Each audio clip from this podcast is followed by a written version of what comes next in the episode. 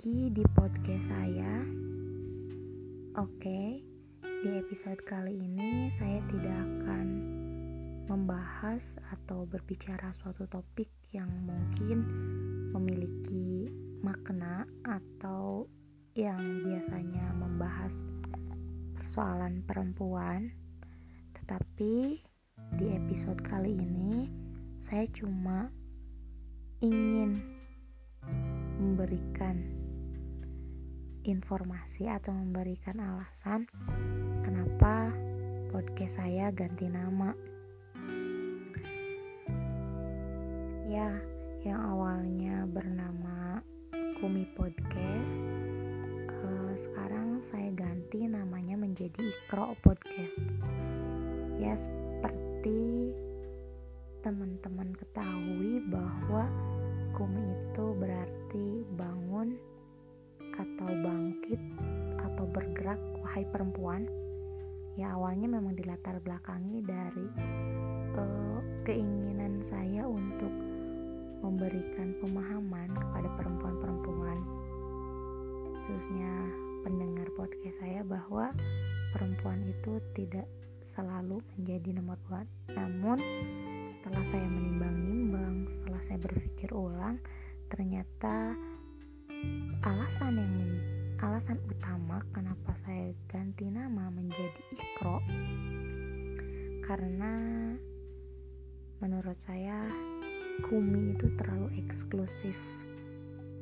Ya maksudnya terlalu khusus menekankan kepada aspek-aspek eh, pembahasan-pembahasan keperempuanan.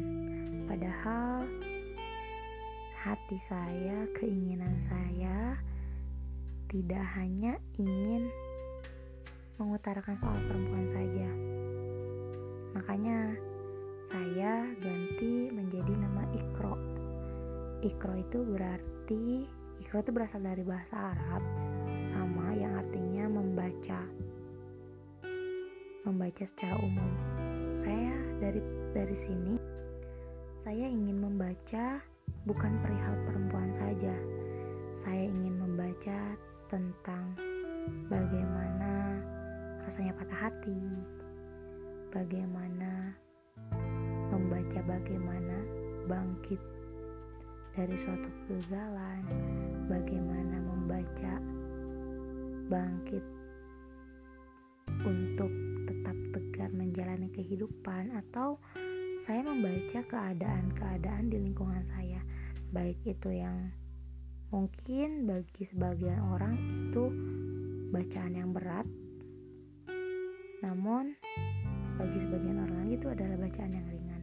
Saya ingin membaca seluruh apa yang saya temui dari kehidupan saya. Makanya saya ganti nama Kumi menjadi nama Ikro bacalah ya baca baca semuanya baca apa pun baik itu teks maupun non teks seperti itu. Saya ingin membaca. Saya ingin mengetahui kenapa hal itu terjadi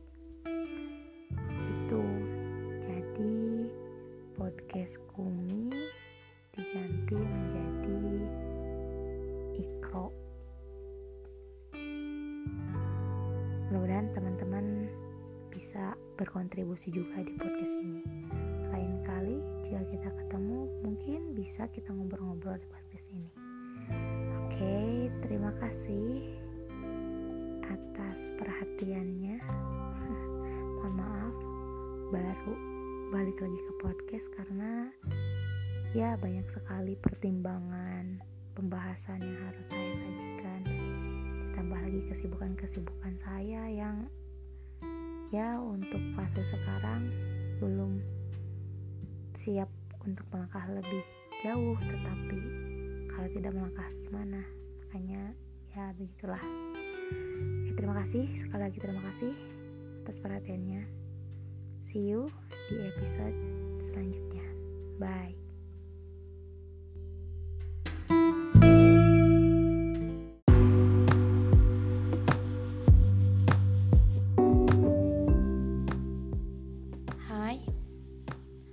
lagi di podcast Ikro. Oke, di episode kali ini kita akan membahas keresahan kita bersama yang secara tidak sadar kita akan menyuarakan opini kita mengenai ideologi kapitalis liberal yang berdampak pada kehidupan kita. Tampaknya kita merasa keberatan sekali dengan istilah kapitalis liberal. Ya, merasa kata atau istilah itu merupakan istilah yang hanya dibahas oleh para ekonom, politikus, kaum elit intelektual yang tidak ada kaitannya sama sekali dengan kehidupan kita. Padahal ya, tanpa kita sadari, semuanya sangat berkaitan dengan kita. Bahkan sampai berdampak pada cara pandang kita dan pola pikir kita dalam menjalani kehidupan. Well, ketika saya masih duduk di bangku sekolah, kira-kira semester 4 lah, saya pernah sedikit apa uh, belajar, guru saya pernah sedikit menyinggung mengenai ideologi kapitalis liberal ini. Ya memang pada saat itu sedang hangat-hangatnya isu tentang bangkitnya kembali ideologi komunis sosialis. Ya, memang pada pada eh, pada kenyataan kita tahu bahwa negara kita itu menganut paham ideologi Pancasila. Jadi itu merupakan suatu hal yang sulit untuk diruntuhkan seperti itu. Tapi guru saya bilang bahwa kecil kemungkinan gitu. Uh, jika ideologi sosialis eh komunis sosialis tadi diterapkan di negara kita. Karena apa karena kita tahu karena kita rasakan bahwa negara kita sekarang ini merupakan negara yang memiliki kebebasan untuk berpendapat beraspirasi dan lain-lain. Jadi sangat kecil kemungkinan diterapkan kembali. Kecuali memang ada hal-hal yang uh, di luar kendali gitulah. Nggak tahu itu para pihak yang di atas yang tahu.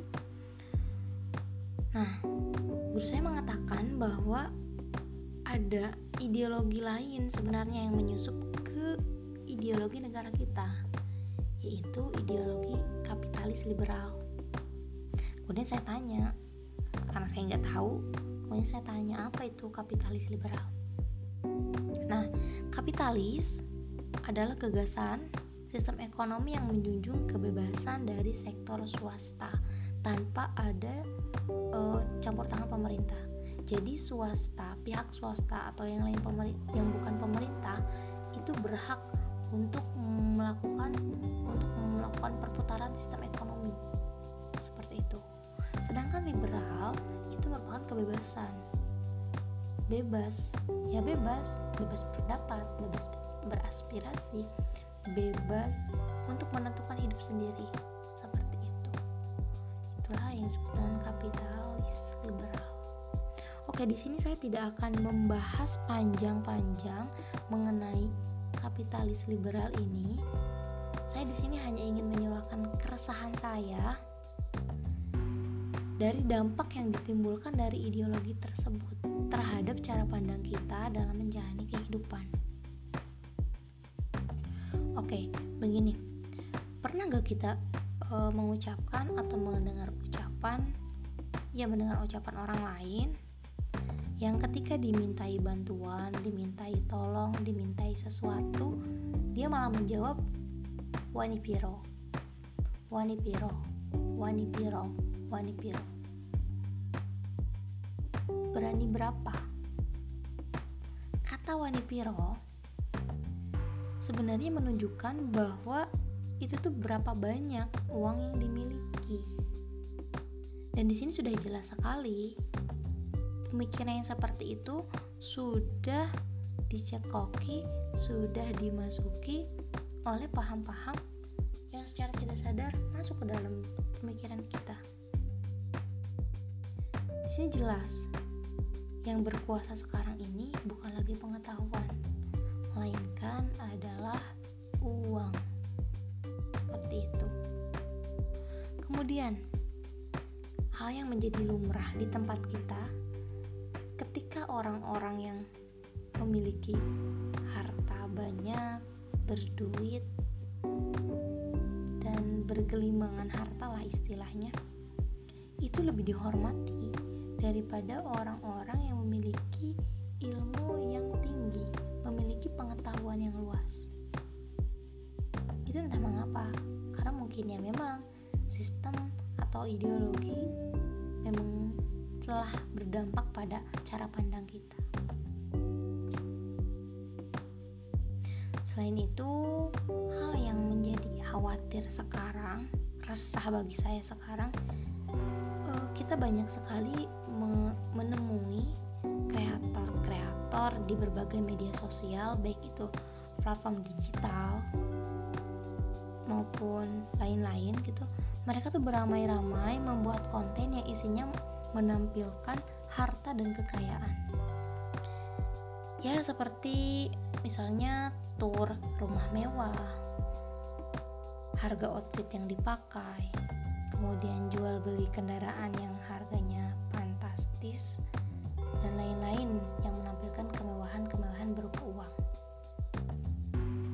Sampai-sampai uh, ada sebutan khusus untuk mereka yang bergelimangan harta kekayaan. Mereka mendapatkan julukan sultan. Ya, itu memang tanpa kita sadari itu menjadi apa ya dampak dari pengaruh ideologi tersebut. Kata sultan tuh udah lumrah gitu untuk orang-orang yang memiliki harta dan kekayaan.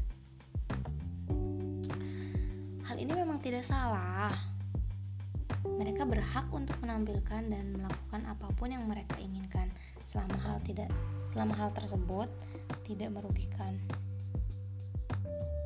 Akan tetapi, apabila pikiran kita, kita yang bukan mereka, kita yang bukan uh, mereka yang memiliki yang memiliki harta banyak, terus-menerus melihat dan dicekoki dengan hal-hal seperti itu, maka cara pandang kita akan mengikuti apa yang kita lihat.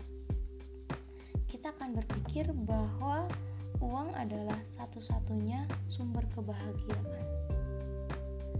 Hal ini menimbulkan uh, apa ya rasa insecure bagi diri kita karena kita tidak bisa seperti mereka. Sampai kita berandai-andai ingin seperti mereka. Ingin bahagia seperti mereka. Padahal kan bahagia tidak hanya tolak ukurnya tolak ukurnya tidak hanya berupa uang dan kekayaan. Maka inilah dampak yang ditimbulkan dari kapital sendiri. Uang berkuasa aspek kehidupan. Oke jadi begitu mungkin uh, opini saya. Mudah-mudahan bermanfaat. Bolehlah kita diskusi di kolom di